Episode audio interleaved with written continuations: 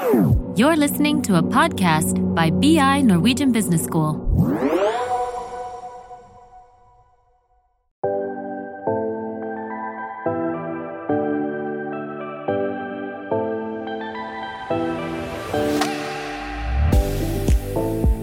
Velkommen til Karrierepraten, en podkast for karriereinnsikt og inspirasjon for Handelshøyskolen BI.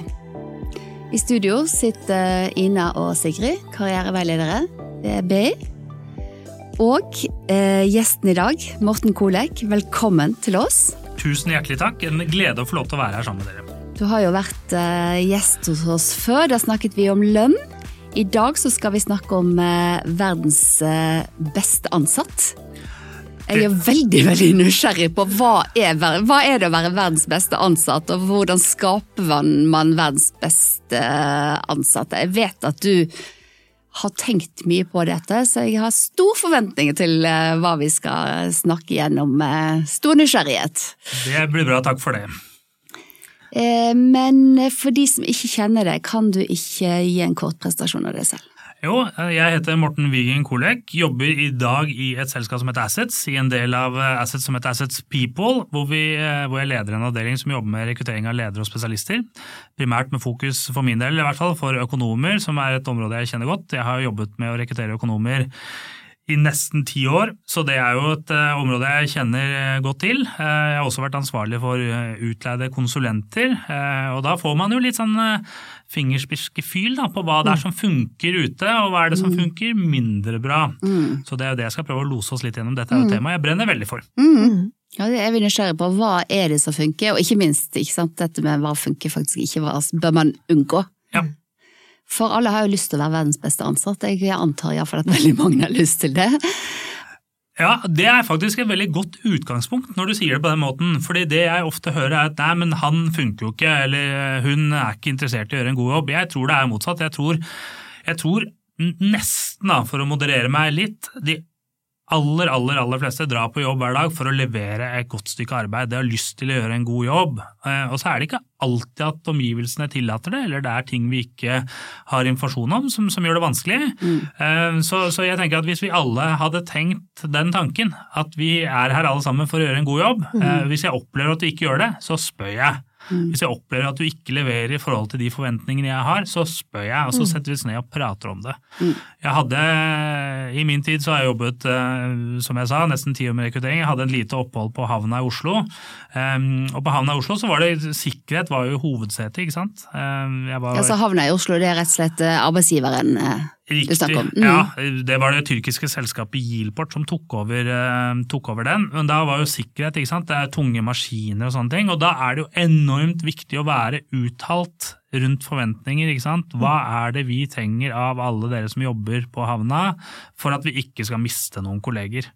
Eh, Så der var det jo helt vanlig å prate om forventninger. Eh, Men når man kommer inn på kontoret, eh, hvor det mest kompliserte man kan diskutere hva angår sikkerhet er heve- og senkepult, så blir det litt mer komplisert. Det er litt annerledes å prate om hva forventer jeg av deg når du skal gjøre dette prosjektet, f.eks. Eller hva kan jeg forvente av deg som min leder for at jeg skal kunne lykkes i min jobb. Det er litt sånn komplisert og nært beslekta med den vanskelige samtalen, antar jeg. Altså. Vi ser at folk sliter med det. Så dette er tosidig, hører jeg. ikke sant? Det ene er at eh, det arbeidsgiver må også være klar på hva forventer jeg av eh, mine ansatte, og de som er ansatte de må også søke den informasjonen hvis ikke de får den, og si hva forventer du av meg? Ja, det tenker jeg er helt riktig. Og det er jo litt sånn, spesielt da, hvis man er nyutdannet og går inn i sin første jobb, så er jo det elementet at eh, jeg tenker at en leder bør ta det ansvaret og, og drille de eh, nye kollegene sine i forhold til hva vi forventer. Eh, samtidig, så når man har vært ute i arbeidslivet litt, så er det en, en fellesskapsøvelse, tenker jeg, hvor eh, jeg som leder setter meg ned med mine ansatte, og så prater vi oss gjennom dette. Eh, Jeg er jo veldig glad i at man skal ha hyppige og, korte møter med de ansatte, hvor vi kan prate helt fritt. Og det handler litt om å skape den tryggheten og åpenheten rundt at det er ok å si fra når ting ikke er helt bra. Jeg, jeg sier det jo ikke litt sånn på bakgrunn av det første du åpnet med. ikke sant? Jeg sier det jo ikke fordi at jeg syns du er en, en dårlig kollega, jeg sier det fordi at jeg har lyst til at du skal lykkes. Mm. Og Hvis vi kan skape den følelsen internt, at her er vi eh, for å hjelpe hverandre og for å støtte hverandre, så tror jeg det er lettere å prate om. da. Mm. Og da ikke bare i den eh, årlige medarbeidersamtalen, høres det ut som, men rett og slett lage et klima for det. Ja, jeg tenker at man kan, man kan fint kjøre sånne hyppige kvartalsmøter eller månedlige møter. Eh, Selv har jeg hver 14. dag og syns det funker veldig veldig bra. Og det er jo ikke alltid det er så mye å prate om, men innimellom så kan det være deilig å bare få lufta litt. Har jeg, har, har jeg gjort noe feil de siste 14 dagene, eller siste måneden, eller siste kvartalet? Er det noe jeg burde gjort annerledes? Eh, Og dette med forventninger er jo litt sånn fordi at et, et, igjen tilbaketeppet. eh, Det er veldig få som drar på jobb for å gjøre en dårlig jobb. ikke sant? Og det er jo greia den at Hvis jeg vet, hvis jeg drar på jobb og jeg gjør det jeg vet at omgivelsene mine trenger av meg, Mm. istedenfor å gå på jobb og gjøre det jeg tror, Mm. så er det en mye tryggere følelse eh, å være sikker.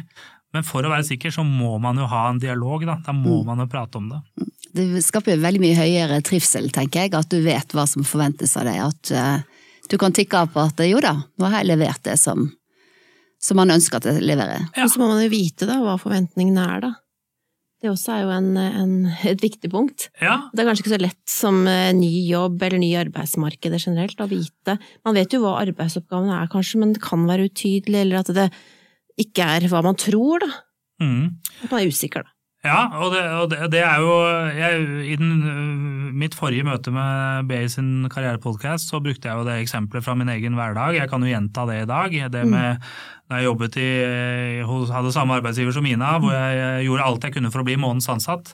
Men jeg bommet måned på måned på måned, fordi det jeg hadde fokus på, var ikke det som miljøet rundt meg ønsket at jeg skulle ha fokus på. Det var ikke noe negativt rundt det. Eh, Men, men, men det var et, et ønske om at man skulle ha mer fokus på å levere eh, produktet eh, på god kvalitet enn å bidra til det sosiale. Og det er jo opplagt, det, det, jo det sier seg selv. Det, det foreligger sånn lite forskning på dette her, men jeg, jeg, jeg har gravd fram en bacheloroppgave fra Universitetet i Bergen som tar for seg dette med aktiv, relevant handling versus passiv eh, at, atferd kontra aktiv, irrelevant handling, og hva det er leder ønsker. Nå tror jeg N var sånn ca. 238, og så var 238 ledere som ble spurt. Og da finner de ut det at eh, de aller fleste ledere ønsker heller en passiv handling enn en aktiv, irrelevant handling. Sant? Eh, Og det er jo litt sånn nært opp til den månedens ansatte. ikke sant? Hvis man går på jobb og gjør det man tror man skal gjøre, og det er feil, så blir det jo veldig ofte en aktiv, irrelevant handling som er det de fleste ledere ser på som negativt. Ja. Da er det bedre å sitte stille og rolig i båten og ikke gjøre noen verdens ting. Mm. Eh, I hvert fall være veldig forsiktig, da. Ja. Og da gjør man jo heller ikke feil. Mm. Og det er sånn et utgangspunkt som jeg ofte bruker, spesielt til de som skal bytte jobb. At du kommer til å gjøre feil, bare innfinn deg med det så fort som mulig, eh, og prat med eh, omgivelsene dine om, om det. Og, og dere som er ledere der ute, vær klar over det, da. At alle gjør feil, og det er ikke sikkert at de gjør feil for å være dumme eller slemme. Men det kan være fordi de trodde de gjorde noe som var bra. Og så er man kanskje de- uerfaren i bransjen man kommer inn i, ikke sant, og ja. Mange elementer. Ja, det er jo virkelig det. Ja, for det høres ikke ut som et godt alternativ å sitte stille og ikke gjøre noe heller. Så det handler jo om da å, å eh, finne ut eh, hva man skal gjøre så man slipper irrelevante aktiviteter, som du snakker om. Ja, for det er det man i utgangspunktet ønsker å fjerne. Ja. Men jeg tenker, dette høres ut som en veldig sånn fin arbeidsplass. Man kan ta opp ting når man vil, og det er høyt under taket, ser jeg for meg. Og... Men eh, på mange arbeidsplasser så er det jo også en del sånn uskrevne roller. Altså det å komme inn i en ny jobb kan være ganske slitsomt. Det er mye som man eh, kanskje liksom skjønner at her er det noe, men man forstår ikke helt eh, bildet. Nei, der bruker jeg veldig ofte eksempler når man er ny på jobb, og hvor ukomfortabel de aller fleste er i lunsjen. Ja. Det er jo det mest banale eksempelet. da. Man kommer på jobb, og det er en, det er en, i, i lunsjen så er det masse uskrevne regler. Hvor skal man stå, hvor skal man gå, hva skal man ta først? Skal man eh, rydde opp tallerkenen? Hvem skal Hvem skal man sitte med? Ja, I- Ikke minst, ikke sant? Er det lov å, å Du jobber på avdeling A, men har jeg lov til å sitte med de på avdeling B? Mm. Det er en hel masse regler der. Og dette, dette bygger seg jo bare opp ikke sant? jo mer man blir kjent med en organisasjon. Hvem er det som vet hva? Hvem skal jeg gå til hvis jeg skal fikse det? Kan jeg sende mail sånn og sånn, eller må jeg gå bort og prate med Gunnar på IT Mm. når PC-en min krasjer? Alle disse tingene her er det sånn eh, hvis man skal bli oppfattet som en positiv ressurs, er det viktig å liksom prøve da, etter evne å få en så go- god oversikt over disse elementene som mulig, så fort som mulig. Og hvordan gjør man det? Det er jo igjen det enkle svaret dialog. da. Spørre. Spørre, observere, prate med. Eh, veldig ofte så vil jeg si at eh, det å få seg en sidestilt eh, sparringspartner En makker. En makker, ja, som, man kan, som har vært der lengre, Ja. som man kan prate med, det tenker jeg er fornuftig. Og så må man jo da sørge for at dette er en person som ønsker at man skal lykkes, da. Ja. Som, ønsker, som ønsker å heie på deg.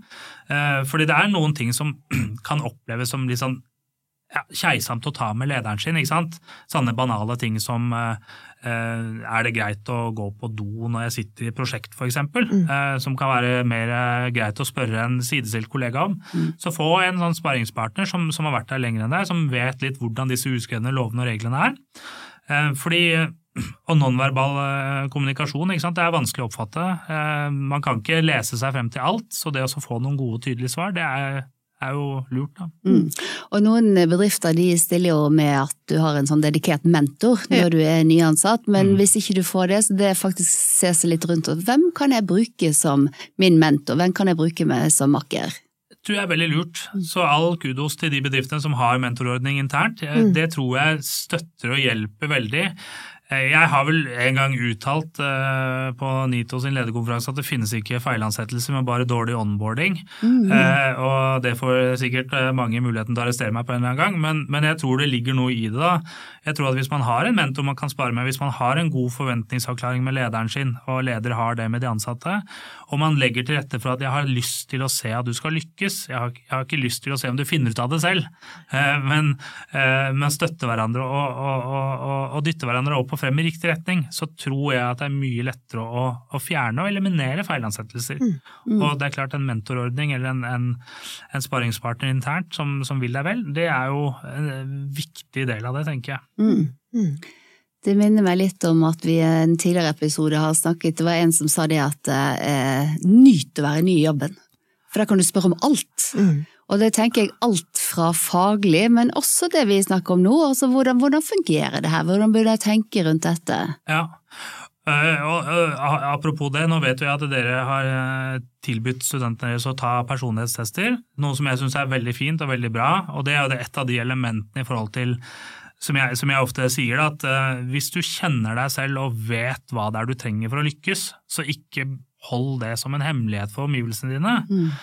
Eh, igjen et, et, eksempel på noen, noen, mennesker man leder, de ønsker å bli løftet opp på en pidestall og applaudert hver gang de gjør noe bra, mens andre syns det er det pinligste i hele mm. verden og vil ha et klapp på mm. skulderen. Mm. Og konsekvensen av å løfte noen opp på en pidestall som ikke vil det, og konsekvensen av å ikke løfte opp noen på en pidestall som vil det, og ikke gjør det, jeg, ofte så viser jeg en film for å beskrive dette, og det er et eh, forskningsprosjekt gjort med apekatter og belønninger. Eh, og Da ser man at den ene apekatten får eh, druer, og den andre får eh, steiner. Mm. Og, og, den som apekatten som får steiner, blir helt bananas inne i buret sitt, og det er litt meg. Når jeg ikke blir hørt eller sett i forhold til hvordan jeg ønsker å bli sett mm. eller hørt. Mm. Og det kan være liksom litt sånn problematisk på jobb, da at når man ikke får den belønningen på den måten man ønsker, så blir man jo frustrert. Mm. Og når man blir frustrert på jobb, så blir det vanskelig. Mm. Mm. og det er kjedelig. Og da ligger det et ansvar på en selv, da. At en forteller hva er det som skal til for at jeg blir motivert på jobb. Ja, Det er helt riktig, og det er liksom, et sånn samme dilemma som jeg alltid sier, at det er ikke alt som er en leders ansvar. Vi kan ikke forvente altfor mye av en leder. Det er mange mennesker å forholde seg til. Jeg mener at ledere bør forstå at de skal tilpasse ledelsen til de de leder. Eh, men når du leder 10-15-20 stykker, da, så er det jo veldig hyggelig hvis man kan få et hint på du, neste gang ikke gidd å løfte meg på den pidestallen. Jeg mm. Syns det er hyggelig med positiv feedback, men for meg, jeg blir så flau. Ja. Så slipper den lederen å gjøre det. ikke sant? Og det ansvaret, ja, det er et samspill, men hjelp, vi må hjelpe hverandre eh, til å lykkes med det. Mm, og du har ansvar for deg selv, det er viktig. Jeg liker at du ikke legger ansvar på lederen alene, ja. men at det er et samspill. Ja. Det må det være, tenker jeg. Mm. mm. Så hva mer bør vi vite om verdens beste ansatte? Altså jeg, har, eh, jeg er blitt veldig glad i den boka til Morten Hansen som heter uh, Great at Work. Mm uh, og Han tar spesielt ett punkt fra egen, uh, egen, historie, fra hans tid i konsulentbransjen, hvor han blir frustrert og, og, sur på en kollega som lykkes mye bedre, men han jobber jo så fantastisk mye, og så har han funnet ut at tid er en sånn viktig nøkkel i forhold til å, prestere. Da. Og det da også fokusere på de tingene igjen sånn etter man har gjort en forventningsavklaring. Man vet hva miljøet rundt ønsker at man skal bruke tiden på, så bruker man tiden på det. Om man bruker det mest mulig effektivt, så er det ikke nødvendigvis slik at den som jobber 15 timer i døgnet, vinner, men den som bruker tiden sin på de riktige elementene, ikke sitte og lete etter syndebukk og finne ut hvem som har gjort feil, og sånne ting, men bruk tiden effektivt på det som faktisk forventes av deg, så er det mye lettere å lykkes. Så det er et sånt tips som jeg eh, gir til folk. Morten Hansen sier 'bind deg til masta'. Ikke sant? Sørg for at du presterer, sørg for at du kan levere innenfor det du har blitt, eh, eh, fått som scope i stillingen din, og fokus på det. Mm. Da er det mye lettere å levere også. Mm. Mm. Så et bevisst, eh, bevisst forhold til hva du skal levere, men eh, også tidsbruken. Altså det er der man skal legge innsatsen sin. Ja, Levere kvalitet. på kvalitet, på de konstruktive tingene. Det finnes jo nok av elementer og, og ting. Og så tenker jeg et sånn siste tips eh, som, som er veldig viktig for meg. Eh, vit det at du har en ganske mye større påvirkningskraft når du er på jobb enn det du tror selv. Det å fyre av en sleivete kommentar til sidemannen sin, det påvirker ikke bare sidemann. Jeg pleier å si, jeg var på, holdt dette foredraget på Handelshøyskolen ved NTNU, eh, og så var jeg på do, som man veldig ofte er, og da var jeg i et pissoar. Eh, Og der lå det snus i pissoaret. Eh, Og da brukte jeg det som eksempel, for det er veldig sånn fint. fordi man tenker jo det at eh, det er jo ikke noe farlig å gjøre det, det er jo bare en person som skal vaske det bort etterpå og ta det opp. ikke sant? Men det man glemmer å tenke på er at den personen syns kanskje ikke det er veldig greit. ikke sant? Og den tar jo det med seg til kollegene sine. Og er irritert den dagen, og det påvirker kollegene til den personen. Og så tar den personen kanskje det med seg hjem, og er sur hjemme også. Fordi at folk ikke bare skjønner at bruk søppelbøtta som er ti meter unna. Og det å ha en forståelse av hvordan handling, aktive handlinger, påvirker mer enn det du tror, tror jeg er viktig for folk. Det er lov å ha en dårlig dag, si ifra. Det er lov å gjøre feil, si ifra. Og prøv da og, og ha i bakhodet at hvis jeg gjør dette her nå, så påvirker det langt flere mennesker enn det jeg tror. Det som slår meg også, er jo at vi, eh, hvordan vi behandler hverandre, og bare det er så enkelt som å se hverandre inn i øynene, og spesielt nå, tenker jeg, når vi har smarttelefonen veldig lett i hånden, så er det veldig lett å gjøre flere ting på en gang. Eh, hva tenker du rundt, eh, rundt hvordan vi skal forholde oss til kollegaer på jobben?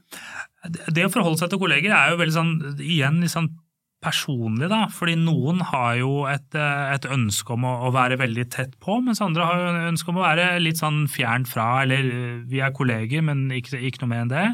Jeg tenker at eh, i forhold til dette med smarttelefoner, i forhold til alle disse elementene som dukker opp i løpet av en hverdag som kan ta fokuset vekk, ja det vil jo føre til at du bruker tiden din mindre effektivt på det du burde ha gjort, da.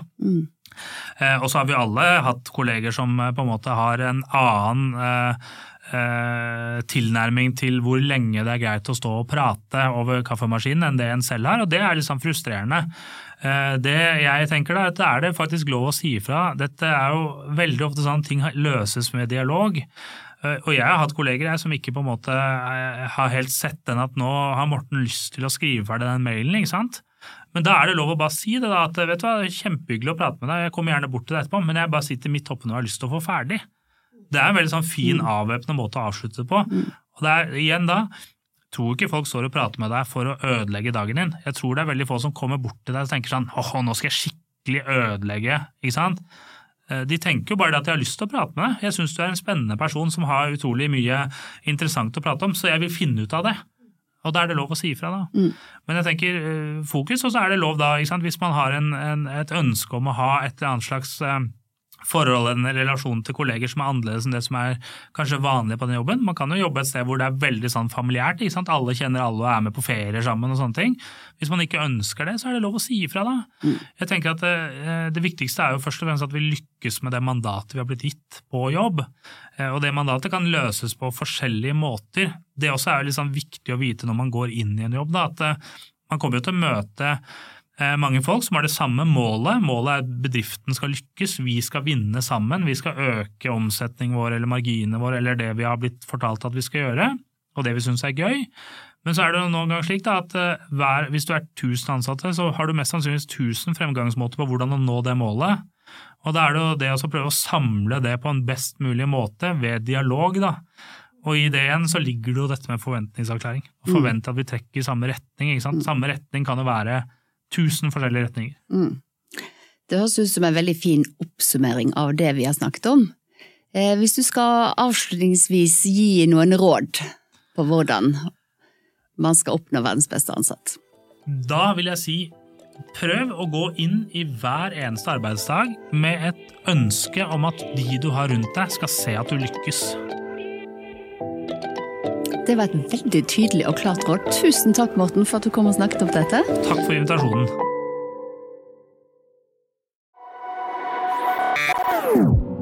This is a BI production. Listen to more podcasts. Go to bi.no slash podcasts.